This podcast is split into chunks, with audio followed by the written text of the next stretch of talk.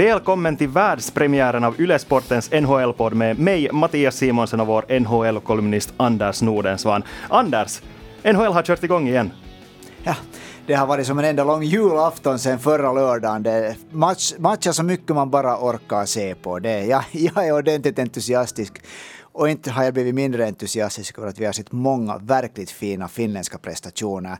Om man nu plockar fram här några så Jonas Korpisalo höll nollan. Det var, det var en verklig succématch.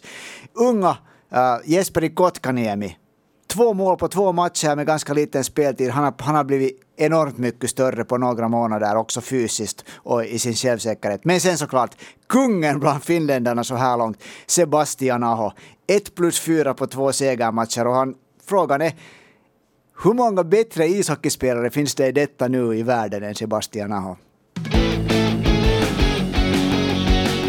Ja, Sebastian Aho var alltså en spelare som du också lyfte fram i din kolumn här förra fredagen. Nu har han alltså stått för fem poäng på två matcher i slutspelet mot New York Rangers. Så det är faktiskt bara att hålla med. Han, är ju, eh, han har varit på en helt annan nivå än vad man kanske till och med väntar sig. Förstås, man kan tycka att New York Rangers som motstånd inte är det bästa. Man kan kanske säga att de har varit lite överraskande dåliga, men ändå Sebastian Aho, visst har han varit helt fenomenal. Han har varit helt fenomenal och det är ju hela den här, hans kedja som har varit helt superbra. Men Sebastian Aho, han är ju den här killen, man har följt med honom nu i ganska många år. Och han är nog en, en spelare som bara tycks alltid ta följande steg när någon väntar sig av honom. Det är liksom det är en, en, det där, en vinnarskalle av, av ganska stora mått. Och inte underligt att, att Sidney Crosby här redan under, hans, under, under, under Ahos rookie-säsong sa att vem är den där killen? Nu, nu vet nog alla vem han är. Exakt. Och det som jag tycker på något sätt att det talande för hur bra han har varit har också varit det att det här väntevärdet var just det att han ska vara den här stora stjärnan. Ja. Och så kommer han in och faktiskt levererar på väldigt, väldigt hög nivå. Och en sån, jag vill säga att vi inte har haft en sån finländare som har kunnat vara så här bra i just ett slutspel på väldigt, väldigt länge. Nej, du, det, Utespelare alltså, målvakter ja. har vi haft. ja.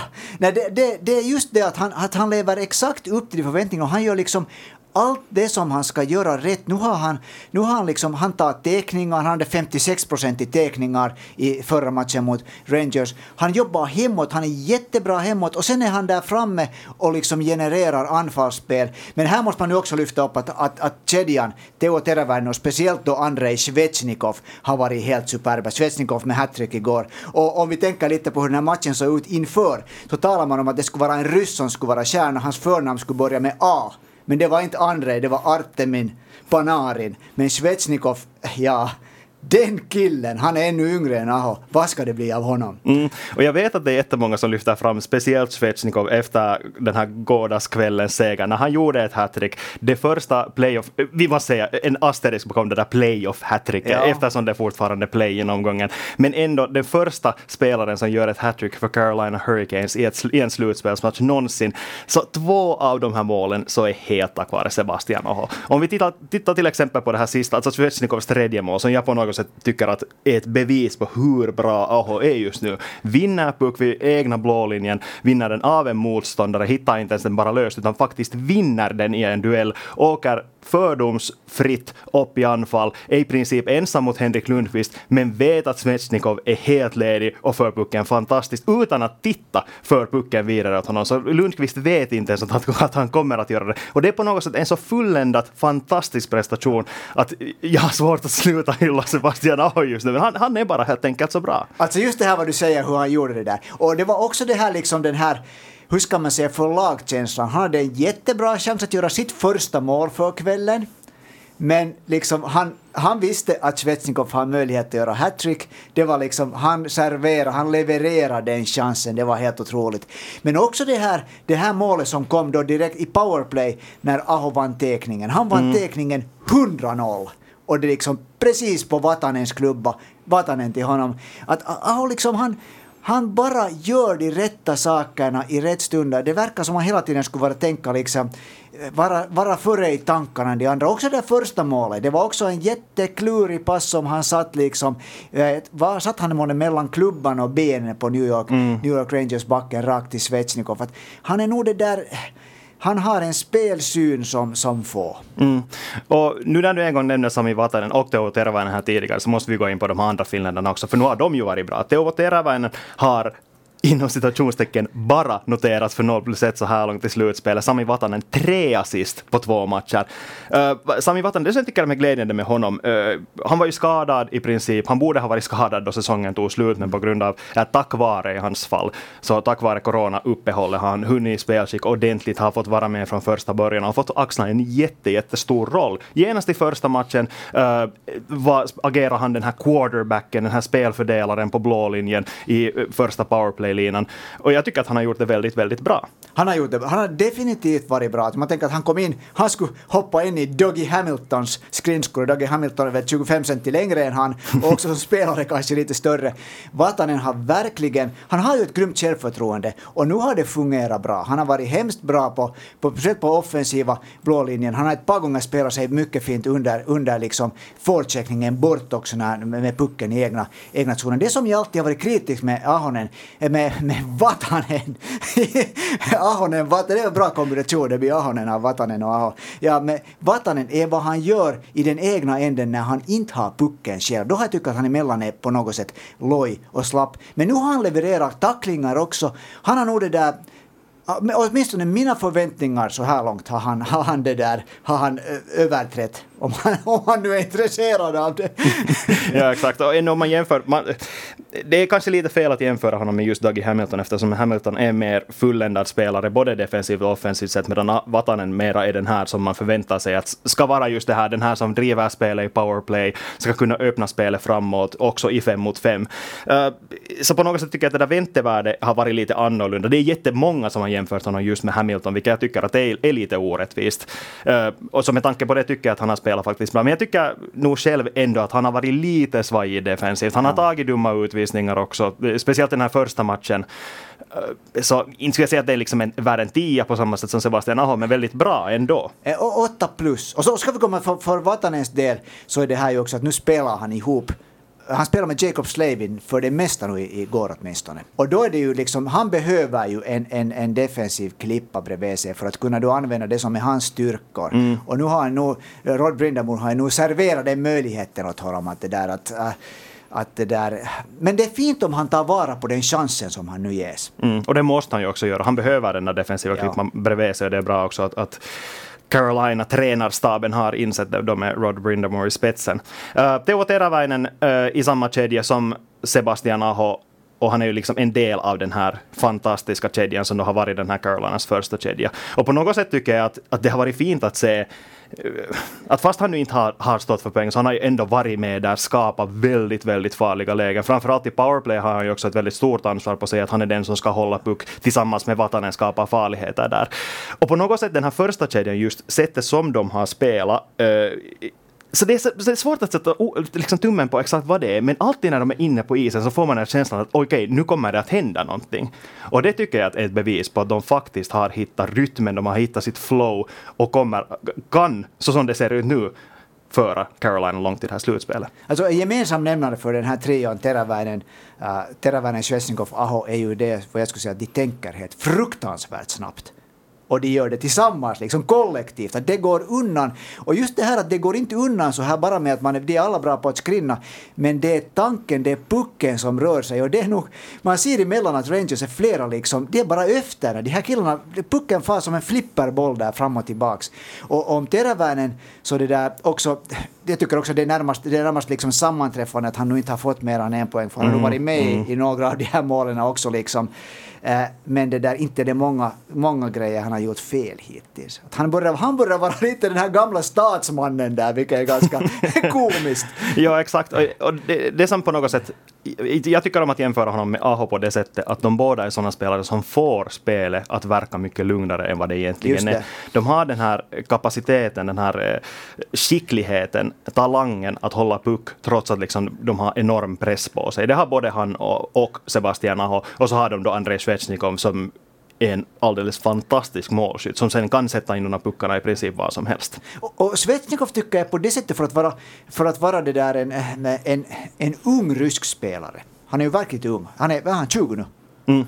Han, det där, han är ju bra också defensivt och det är inte ofta man ser det egentligen av, av sådana här liksom unga ryska stjärnor som kommer. För de har varit de här offensiva kanonerna som bara liksom ska skjuta in puckar. Okej, okay, Artemi Panarin är också lite den typen spelare. Men Svesnikov är nog liksom, han passar så väldigt, väldigt bra in i den här trion. Men det som jag ännu skulle säga jämförelse med, med Terävärn och Aho, att det där att Aho har det som jag nog, just att vem har tidigare haft den här, kanske någon Saku Koivunen, den här tjurskalligheten, att han bara har det här jävla namma att då när det gäller så är han, han är bara liksom bättre och bättre och bättre desto tuffare det blir.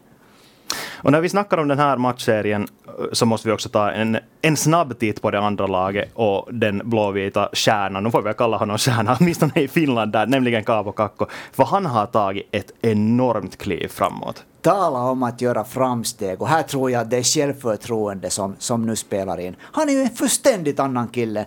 Nu, nu ser han ut som han såg ut i VM 2019 och då han var snart ett och ett halvt år äldre än det så han är ju på alla sätt en mera mogen spelare. Men det att han får spela tillsammans med, med Artemi Panarin egentligen i första kedjan så det, det där, det har nog, det har nog fått hans liksom bröst att, att det där bukta utåt riktigt, riktigt ordentligt. Han är nog det där han, han vågar ta initiativ, han är snabb och vass där inne innanför blå, blå, blå linjen och han skapar. Alltså det, det här är nu kanske lite blåvita glasögon men, men det där, det är inte många Rangers-spelare som har varit bättre än han egentligen. Nej, alltså jag håller med fullständigt. Och till och med om man tar av sig de här ökända blåvita glasögonen så tycker jag på riktigt att han har varit en av de här bästa. Han har inte fått hemskt mycket ansvar just med Artemi Panarin som du sa. Det tycker jag att det är jättesynd för att han uppriktigt har varit en av de här spelarna i Rangers som har lyckats skapa farliga lägen. Om vi tar matchen igår kväll som exempel, så det var i princip så att Carolina matchade alltid Aho, Teräväinen, Svetjnikov-kedjan då när Kakko var inne och med hans kedja. Och det på något sätt tycker jag att ren betyder det att de har en respekt för den här kedjan, vad de lyckades åstadkomma i den första matchen. Och trots det att han spelar mot de här spelarna som är, som du nämnde tidigare, både Svetsnikov, Aho, Teravan, alla kan spela defensivt. Så trots att de, han har den här kedjan emot sig så lyckades han ändå skapa farliga lägen offensivt. Han hade, han skulle ha haft ett jätteläge där i den tredje perioden om inte Sebastian Aho skulle ha brutit den där passningen som skulle ha kommit rakt på hans klubb och han skulle ha upp ett mål. Men sant är livet. Och sen hade han ett sånt där skott, ett sånt där liksom på, från ett bra läge, ett skott som en, en riktigt klinisk målskytt skulle ha borde sätta in. Liksom, att han hade, det var synd och det skulle ha, det skulle ha lyft honom ytterligare. Men, men det där definitivt det där, en, en positiv boost för honom och de bytena som han har fått spela tillsammans med Panarin så tycker jag att det finns en kemi mellan dem som jag verkligen hoppas att, det här, att det där coach David Quinn liksom upptäcker att hey, det, det här killarna det funkar tillsammans, bygg på det här. Om Sebastian Aho, Teuvo Teräväinen och Sami Vatanen har fått en riktig pangstart på slutspelet så kan man verkligen inte säga detsamma om Alexander Barkov i Florida Panthers. De förlorade sin första match och jag vet inte, det, det såg inte bra ut på något sätt.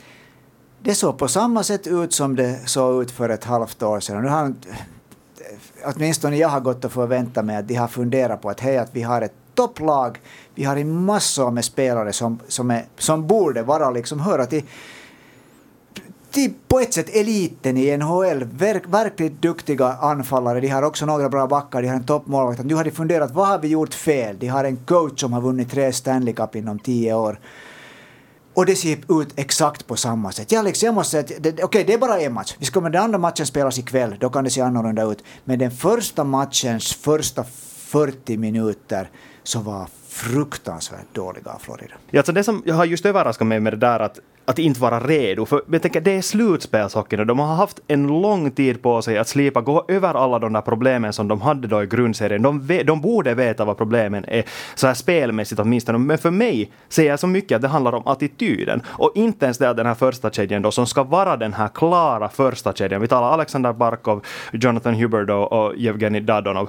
Att de ska vara de här som lyfter Floridas spel, men de gör inte det. Och nu ska man förstås nämna att om vi jämför med Carolina och sätter som just Aho Teraväinen Pekkanen, Svetsnikov har spelat där, så, och de har spelat mot Rangers som inte är en lika farlig motståndare som New York Islanders är. Islanders är ett väldigt bra lag, de kan spela defensivt, de kan ta bort sina motståndares styrkor, men ändå ändå tycker jag nog att det, speciellt den här första kedjan med Barkov i spetsen ska, borde ha levererat bättre i den här första matchen, där var den här laddningen borde ha varit på topp. Ja, det, det, var mjukt spel. Och det var, alltså, före den här matchen, före matchen började så var det ju så var, det, var spekulationen att första kedjan skulle vara Vatrano, äh, Barkov och, och Dadonov och att Huber skulle spela ihop med, Kak, äh, med, med Haula i andra kedjan. Men nu, nu tydligen så blev den här äh, sista förändringen ändå att de spelar med den här gamla första kedjan. Och, och verkligen, de har spelat ihop inställningar hade jag åtminstone väntat mig. De skulle komma ut liksom, de skulle bara blixtra med, med sån här vilja att avgöra offensivt, men det var det var mjukt spel. Just som du säger, det fattades liksom helt enkelt, det fattades på något sätt attityd och vilja. Och tyvärr, tyvärr, tyvärr så måste jag säga att på ett sätt tycker jag att symbolen för det som fattades var Alexander Barkov. Mm. Han ska vara den här ledaren, han är lagkaptenen och han ska vara den som visar hur man ska spela. Och förstås, det, det, finns andra som kan stiga fram. Nu vill jag igen dra en parallell till den här serien mellan Carolina och New York Rangers. Första matchen, en av de första minuterna, en lite halvfull tackling. Vad händer? Justin Williams, den här veteranen, Mr Game 7, som ingen förväntar sig att vara den som ska börja slåss i en ring. Och utan att glorifiera slagsmål, mm. men det är bara så som ishockey fungerar i Nordamerika. När han kastar handskarna, då vaknar hela laget. Att det finns liksom, om man behöver en tengnista så ska någon kunna stiga fram och göra det. Men nu har ingen gjort det i Florida och jag tycker att Barkov borde, ja nu menar jag inte att han borde ha slagits, det säger jag inte överhuvudtaget. Han gick ju lite het där i ett skede. lite het, muckades lite framför målet, vilket ja. inte alls heller det där känns bakifrån. Alltså kanske det, han tyckte att det borde ha tänt laget, men ändå, han har den där talangen, han ska vara den här stora stjärnan, men, men det såg inte ut som det, åtminstone den första matchen mot Islanders.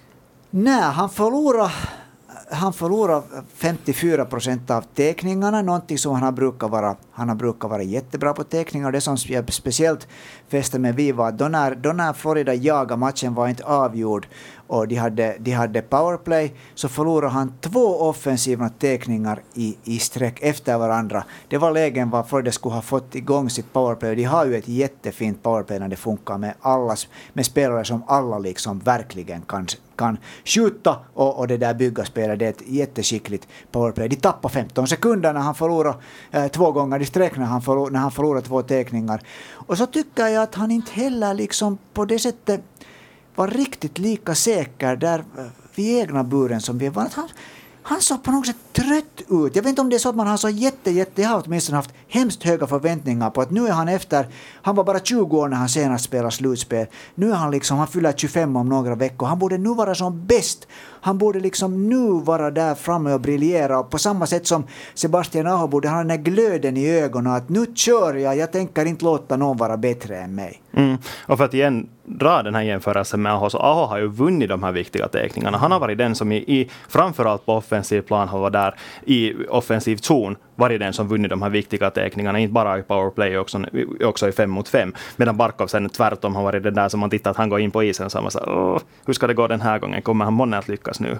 Ja, alltså, det har fattats den här, de har liksom, de har ju, den här kedjan, när de, när de får sitt spel att rulla så är det så att det blir panik som bäst i, liksom, i motståndarleden. De håller på med långa anfall, de kan göra snabba anfall, men deras bästa, bästa anfall är nu sådana här när de håller på, liksom, det är tvättmaskinen igång och, det, och till slut kommer någon av dem till skott. Ofta är det Huberdo eller Dadonov och, och Barkov är den som liksom eh, levererar spelet. Men det är liksom mitten, Islanders hade tamme 17 total kontroll över mitten där inne. Liksom fem meter utifrån från målet, två meter åt båda hållen. Florida kom inte in dit. Och inte kom Barkov och inte, de här killarna de blev utanför. Mm, och det, det såg väldigt mycket ut som sådär att man försöker väldigt mycket men man, man kommer inte till skottläge helt enkelt. Nej. Och de skotten man sen tvingas ta så är ganska dåliga. Och förstås, slutspelshockey är slutspelshockey. Framförallt i NHL så, så gäller det nu att bara sätta de där puckarna ditåt och ungefär hoppas att de går in. Mm. För nu har vi sett många sådana mål redan hittills där de har studsat in till exempel via två egna spelare. ja. tycker synd om det. Vi alla tycker synd om det, Jose Saros. men det där えっ? Det, det, det, är någonting som saknas i Floridas spel och jag är väldigt tveksam till att de ska hitta lösningen nu under de här resterande fyra, om de ens går fyra matcher. Ja, så ska vi komma ihåg att, att det var faktiskt det var en, en, match. Det kan se annorlunda ut ikväll när de spelar och det måste se annorlunda ut ikväll när de spelar. Det, där, äh, det gjorde, tycker jag, där äh, en, i tredje perioden en sån där 15 minuters sekvens när de såg ut som de ofta, då när de, så, de, de var ju jättebra emellan under, under säsongen. De kunde plötsligt göra fem mål mål på 20. Det kom ju liksom, då när, när de får spela igång så börjar det rulla. Jag tycker att det såg lite ut på det sättet uh, att det där, kanske de, alltså Islanders har ju ett jättesvårt spelkoncept. Det, det, de är tunga att spela emot, det tar ont att spela emot dem. Och det kan vara jättesvårt att försöka utmana dem på det. Att det är liksom det här när man tänker att, att vad borde Florida göra för att tända. Så det kan också vara någonting som går helt åt skogen om man börjar spela en hockey som inte är ens egen hockey. Försöka vara tuff mot de här killarna som liksom på riktigt är jättetuffa. att det där, mm, jag, jag vill inte ännu liksom, ska vi säga att dagens match kommer att visa jättemycket och jag är jättebesviken på, på Joel Kenneville om han inte liksom får det här laget att spela en sån hockey som han vill att de ska spela. Men en spelare som däremot har varit bra igen i Florida så är Erik Haula. Det tycker jag åtminstone. Att han har varit liksom en sån här som inte kanske vunnit alla teckningar, men vunnit uh, viktiga teckningar, fast hans eh, teckningsprocent... Du, 30! Den, är, den låter inte bra, men jag tycker åtminstone de teckningarna som han vann i den här första matchen var viktiga sådana i offensiv zon. Och att han på något sätt med sin, med sin snabbhet kan lyckas punktera det här eh, Islanders försvaret och lyckas på det sättet skapa farliga lägen mer åtminstone än vad den här Barkovs första kedja gjorde.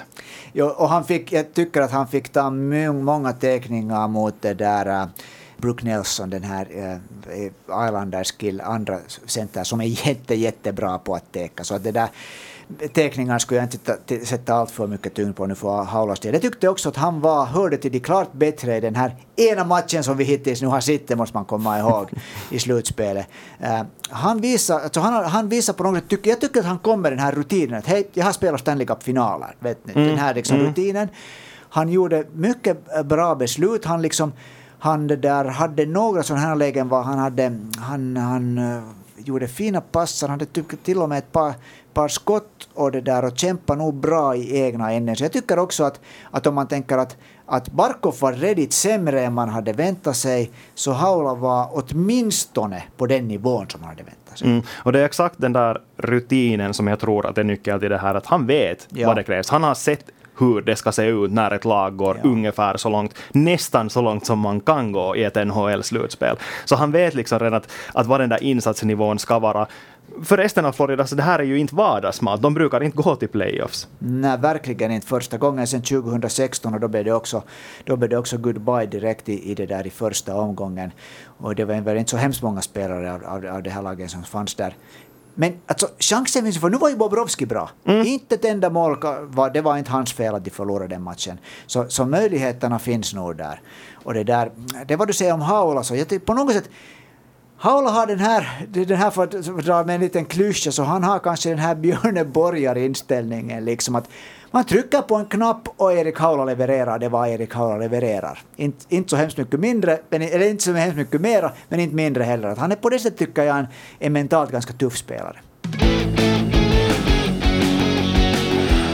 NHL-slutspel är alltså i full gång och fortsätter också ikväll för ett annat blåvitt lagsdel, Nashville Predators, som spelar sin andra match mot Arizona Coyotes. Och ett stort blåvitt frågetecken som det finns i den matchserien är det att vem ska få vakta Nashvilles mål i den andra matchen. Jose Saros fick efter många om och men starta i den här första matchen. Man kan tycka att han inte var så stabil som han borde ha varit, men Anders, vad tycker du? Borde han få starta också i match nummer två? Eh, Jo, som ett, som ett konkret svar så tycker jag att han borde få starta en match två. På grund av det att han var, inte, han var faktiskt inte briljant, men han var inte dålig heller. Jag tycker att han i princip tog de skotten han skulle ta.